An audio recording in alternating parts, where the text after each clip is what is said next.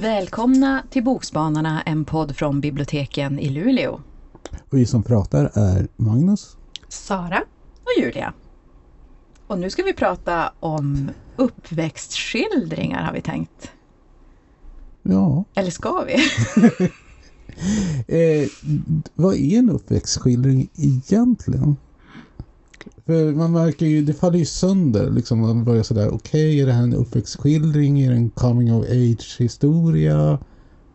Eh, när tar barndomen slut? Om det är en barndomsskildring man är ute efter? Eller hur var det förr i världen när kvinnor inte blev myndiga förrän de blev änkor? Precis. Jag vill gärna börja där, för jag har läst eh, Törnrosens triumf av Anna Lestadius Larsson. Och då tänkte jag att jag är lite klurig och säger att jag har läst en uppväxtskildring som handlar om en kvinna som är 23 år. För att vi rör oss under 1800-talets mitt och då är ju en, en kvinna en mans ägodel, ett litet barn kan vi säga. Ingen rätt att bestämma själv, så då, då är du ju inte vuxen. Anna Lestadius Larsson har skrivit flera historiska romaner om kvinnor tidigare, allt från 1700-talet till mer modern tid. Det här är den första jag läste av henne, för jag tyckte att när jag läste handlingen så var det som att den ropade ”Hallå Sara, läs mig!” För det bygger nämligen på ett, eh, en verklig person som heter Sofie Sager Eh, Sofie Sager kom till Stockholm från Småland i mitten av 1800-talet med förhoppning om säkert att uppleva äventyr och bli självförsörjande. Eh, men hon upptäckte snart att det inte finns så mycket äventyr för en ensam kvinna.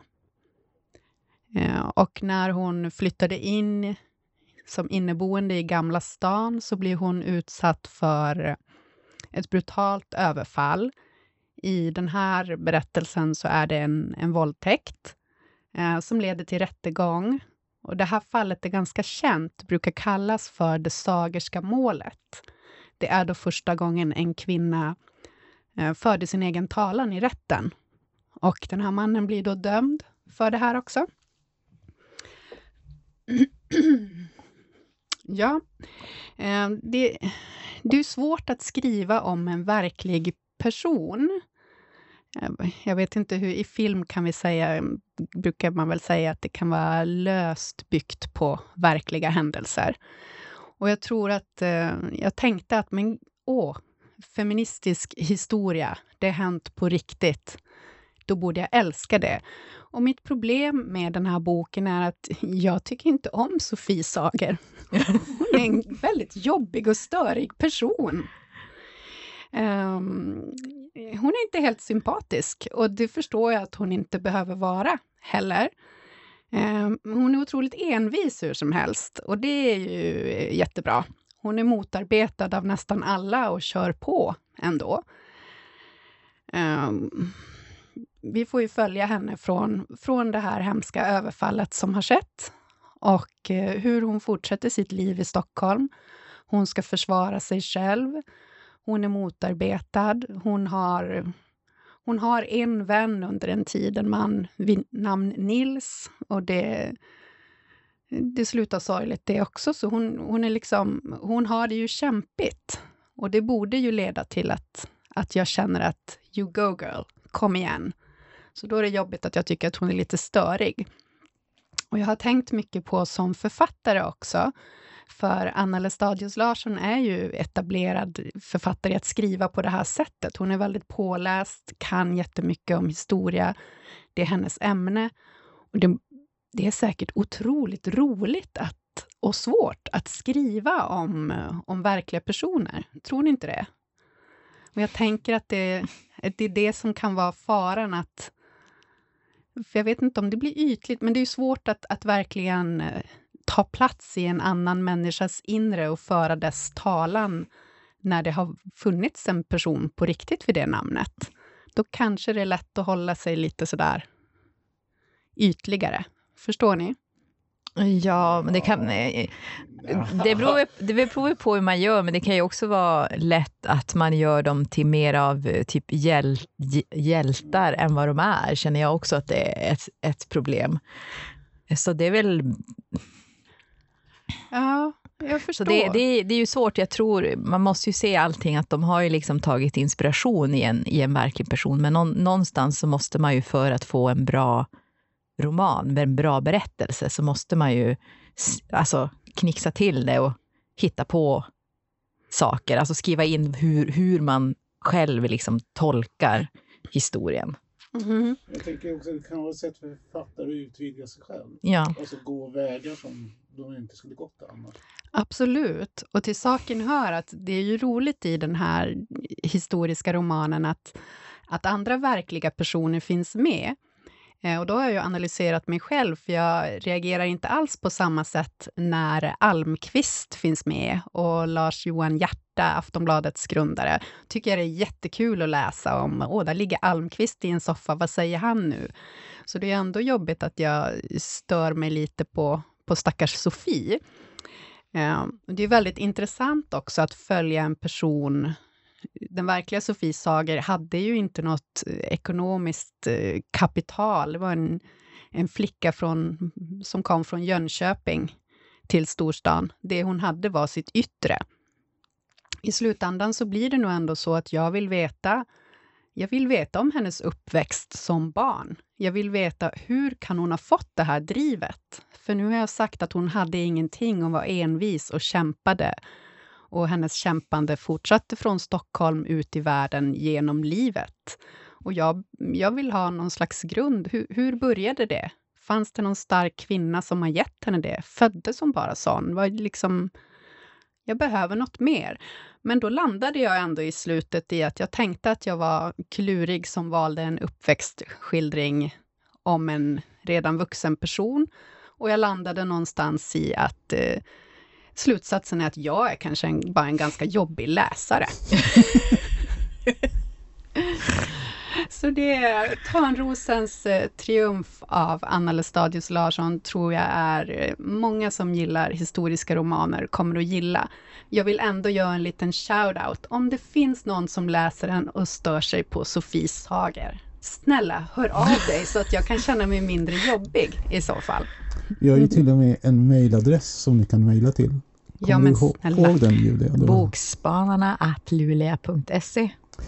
Jag tänkte när du säger att du är en jobbig läsare, är du rädd för att vara det? Nej, jag tycker nog att det är ganska roligt. Det kanske är som... Ja, nej. Det, är- det är ju bra. Då får jag hela tiden analysera mig själv. Men, men du kanske uppfattar henne precis som författaren ville att du skulle uppfatta henne. Ja, det är därför det vore så intressant att höra hur någon annan har Mm. uppfattat henne. Mm. Men vi låter Sofie Sager få, få vila i ro. Julia, vad har du läst? Eh, jag har läst en familjekrönika lite mer. Och jag, det är Löftet av Damon Galgut. Eh, och den är översatt av, från engelskan av Niklas Wahl. Och han, eh, Damon Galgut vann då Bookerpriset 2021 för den här romanen. Och det var så lite jag hörde talas om den. Och den här, det här utspelar sig i Sydafrika och vi får följa en trångsynt vit medelklassfamilj i Pretoria och hur de navigerar slutet på apartheid. Och vi får följa stämningen i landet och poli, alltså det går ju inte, alltså det är ju närvarande under den här berättelsen och den utspelar sig under 40 år. Och då gör vi nedslag i en gång per decennium i den här familjen och cent i centrum är då ett dödsfall då, en gång per eh, decennium i den här familjen som det handlar om. Och det är familjen Svart, S-W-A-R-T. Eh, och något som även följer med är då det här löftet som pappan i familjen gav, som han sen inte vill kännas vid. Och som finns då i inledningen här boken, som följer med då under 40 år. Och det börjar med dödsfallet av mamman i familjen, 40-åriga Rachel, som dör då efter en tids sjukdom. Eh, och det är spänningar i familjen och mellan släkterna, bland annat för att Rachel konverterar tillbaka till judendom under tiden hon var sjuk.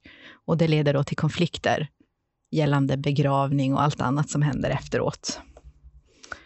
Eh, pappa, Mani i familjen, han har hittat tillbaka till Gud och erkänt sina synder.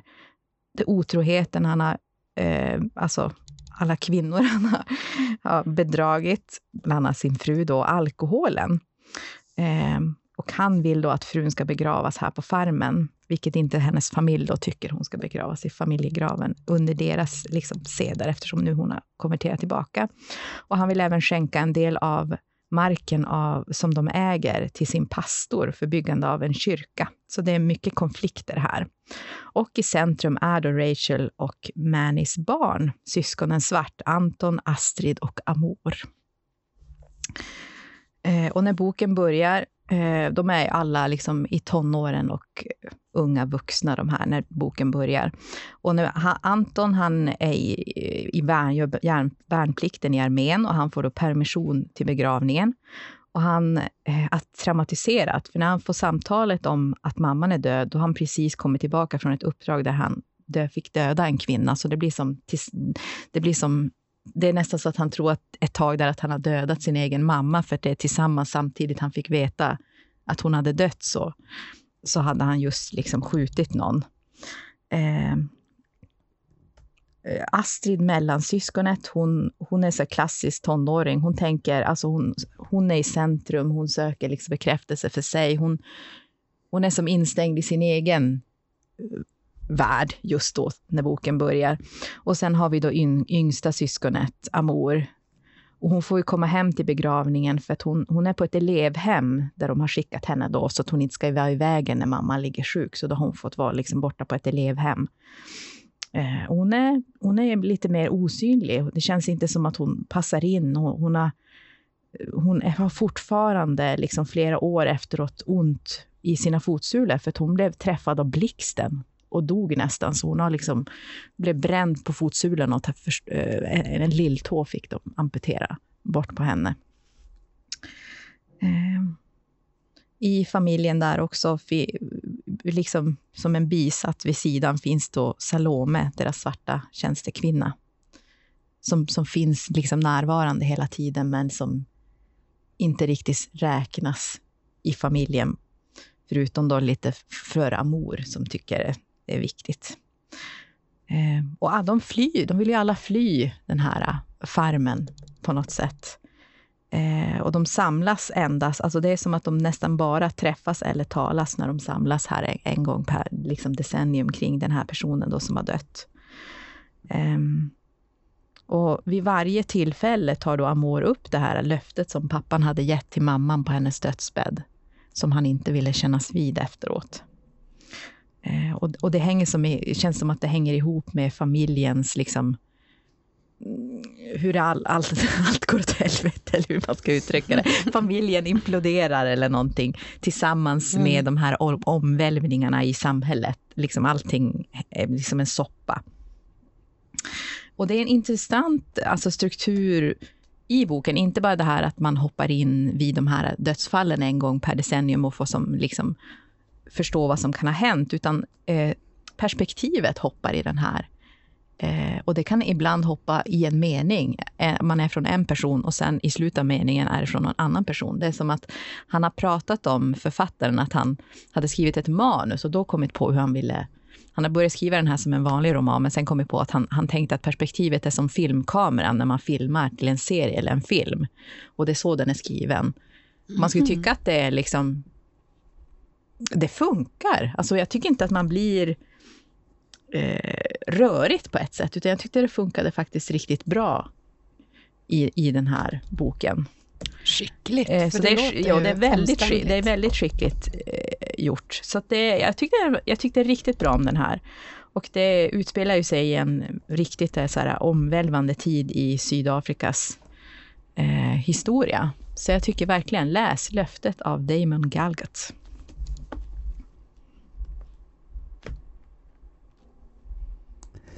Och det finns ju många löften.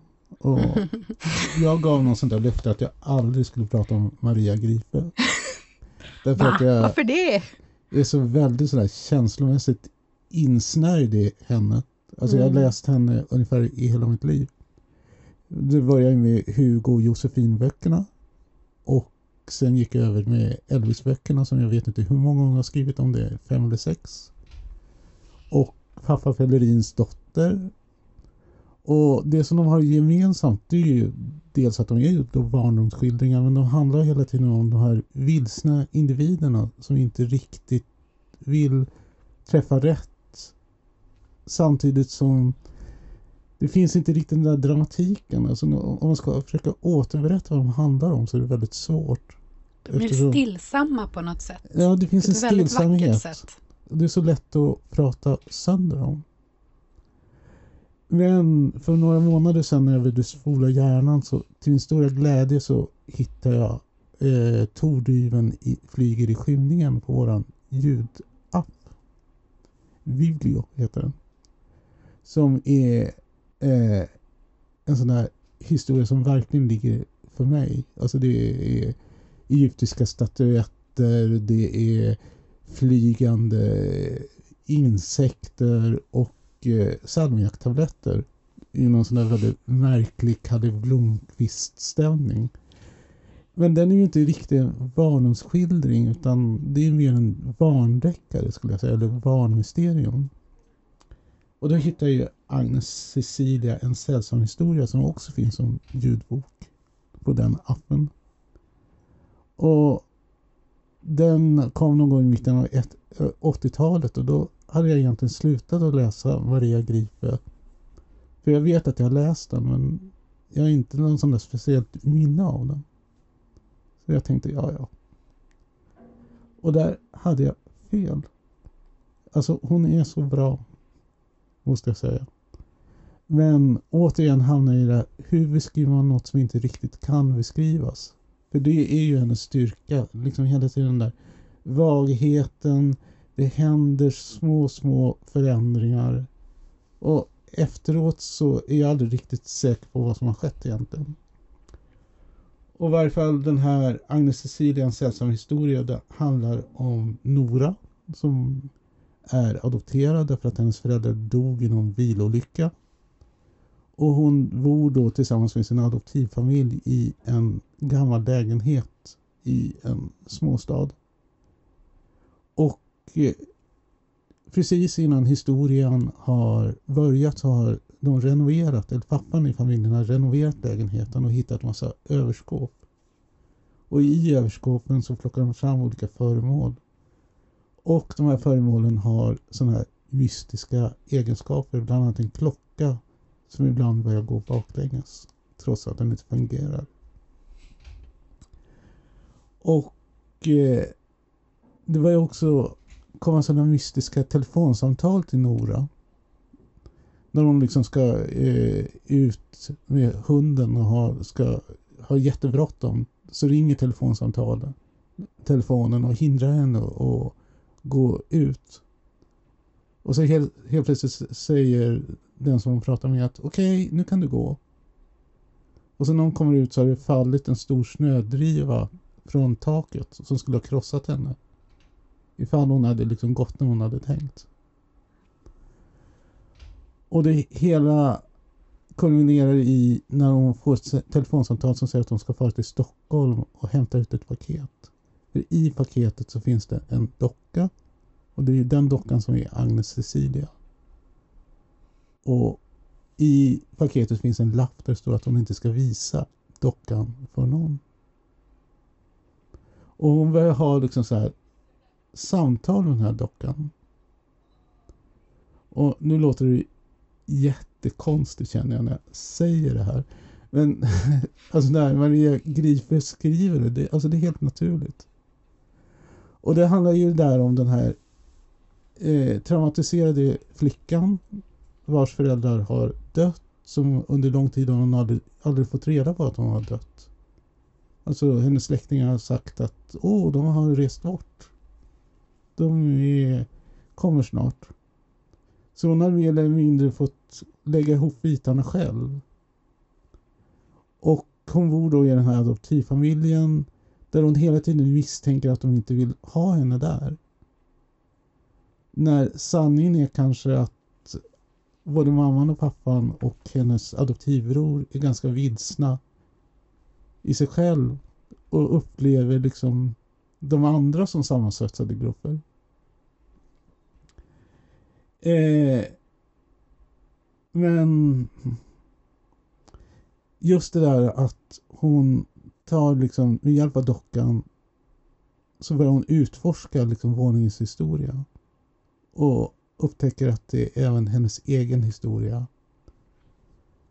Och så händer det något som jag inte kan prata om. Men det slutar lyckligt.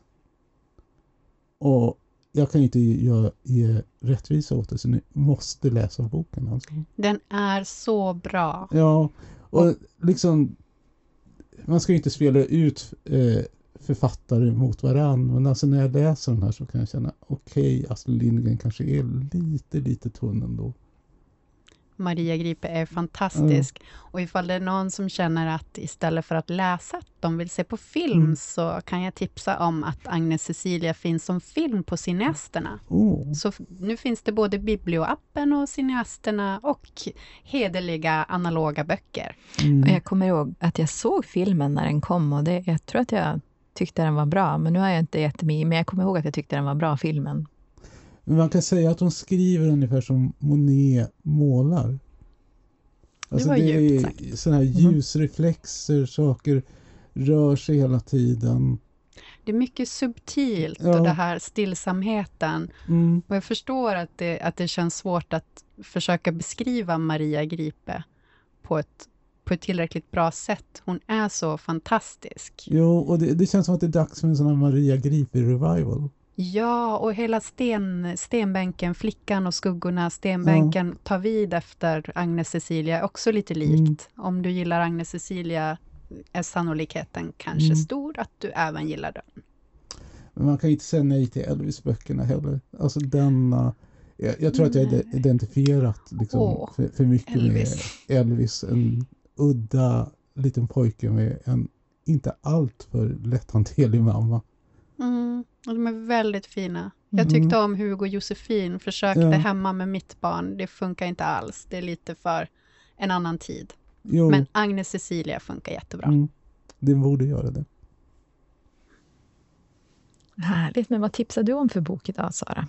Jag tipsade om Törnrosens triumf av Anna Lestadius Larsson. Jag tipsade om Löftet av Damon Galgut. Jag tipsade om Agnes Cecilia, en sällsam historia, Maria Gripe. Och gärna då i ljudboksform. Jag känner att jag vill lyssna på den. Det var, så att jag, mm. det var länge sedan. Mm. Ja, ja, men tack och hej för idag. Ja. Tack och hej. Hej, hej. hej.